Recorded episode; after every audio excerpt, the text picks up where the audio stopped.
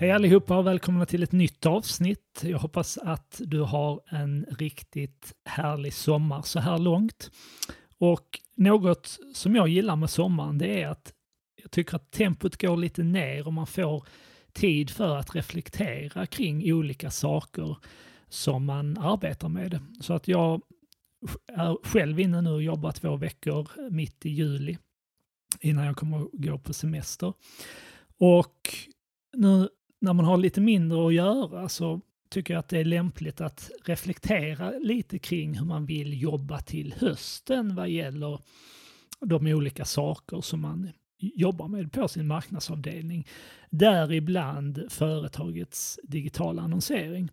Så jag tänkte bjuda på 11 frågor som du kan fundera kring och reflektera kring inför hösten för att ni sedan när ni kommer tillbaka efter era semestrar ska kunna jobba ännu bättre med just företagets digitala annonsering.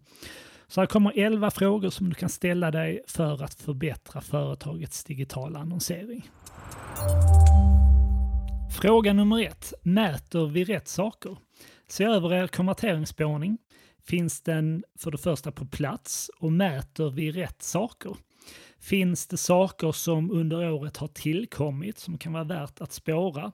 Och se även över ifall ni spårar genom kundens olika delar av köpresan. Så ni kanske har ett antal makrokonverteringar i form av köp eller förfrågningar. Men se även över vilka mikrokonverteringar som ni har på er webbplats som kan vara värda att spåra. Fråga nummer två. Hur säkerställer vi att vår digitala annonsering resulterar i en ny kund i slutändan? Se över de så kallade bryggande aktiviteterna som ni behöver göra för att öka chanserna att det intresse som annonserna kan generera till er webbplats resulterar i en ny kund i slutändan. Så det här kan ju vara då det jag kallar bryggande aktiviteter. Det är ju olika former av lead magnet som ni kan placera på er webbplats. Eller det kan vara en sån sak som att ni har en chattfunktion på hemsidan som ökar sannolikheten att en kund väljer att ställa en fråga till er i chatten och som ni sedan kan ha en dialog med.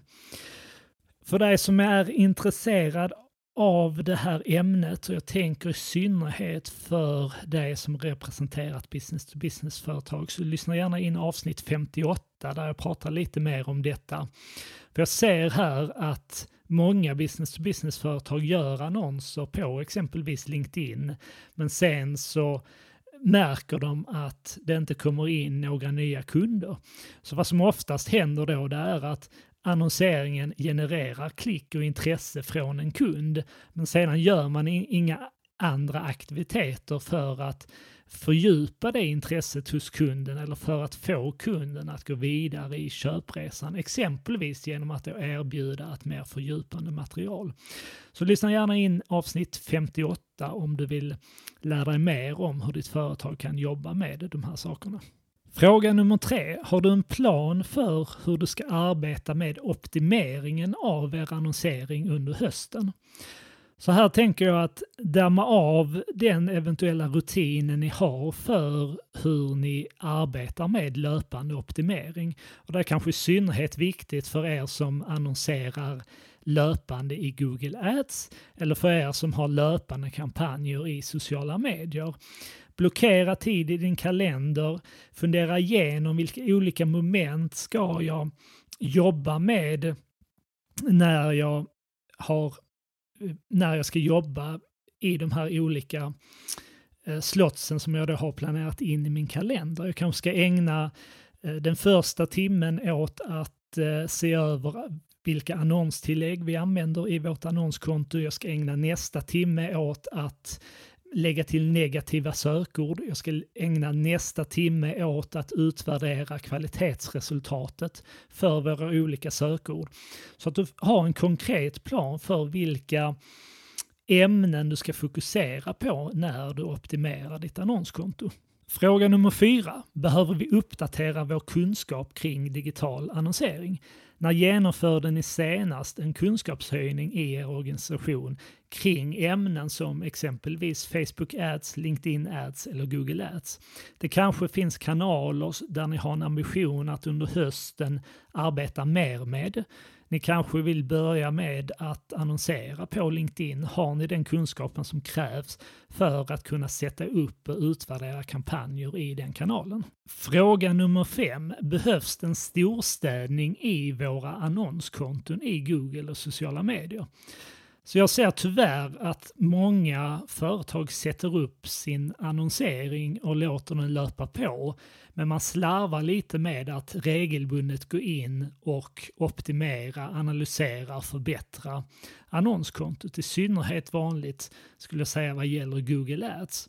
Och det gör tyvärr att det står och tickar pengar på sökord som inte driver resultat för er eller att man missar möjligheter att med, med, ganska enkla medel förbättra sin annonsering och därmed resultatet som, som annonseringen genererar.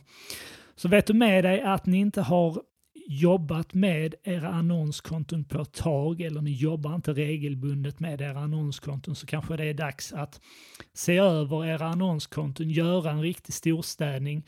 Bläddra gärna i poddarkivet, där finns massor med eh, avsnitt som jag tidigare har spelat in som handlar just om hur ni kan arbeta löpande för att optimera er annonsering på olika sätt. Fråga nummer 6. Hur marknadsför vi vår content genom vår digitala annonsering? Finns det exempelvis potential att driva ett intresse från fler potentiella kunder genom att även köpa så kallade informativa sökord i Google Ads? Jag tänker att oftast köper man de kommersiella sökorden, alltså de sökord som era kunder använder när de letar efter era produkter och tjänster. Men det kan även vara relevant att driva ännu mer trafik från potentiella kunder genom att även ringa in de eventuella informativa sökord som kunderna kan tänkas använda. Och det här är ju då sökord där man letar mer efter information så är det så att ni tar fram mycket content som handlar om ämnen som era kunder intresserar sig eh, för.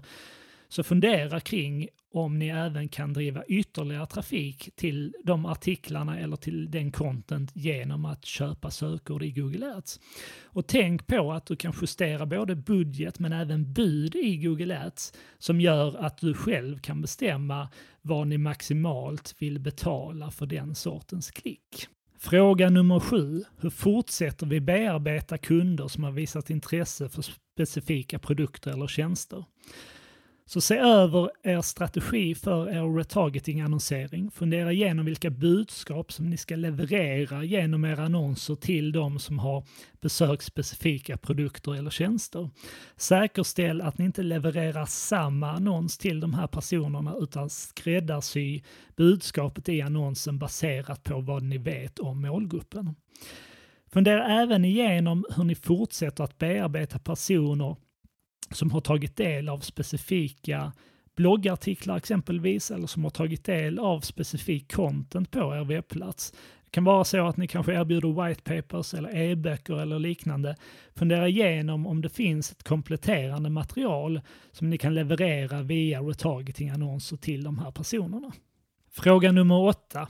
Behöver vi testa nya målgrupper i vår annonsering i sociala medier? Vilka i så fall? Så det jag ser ofta det är att det finns en risk att man sätter upp sina kampanjer, man sätter upp sina adset och sina målgrupper och sen låter man det löpa.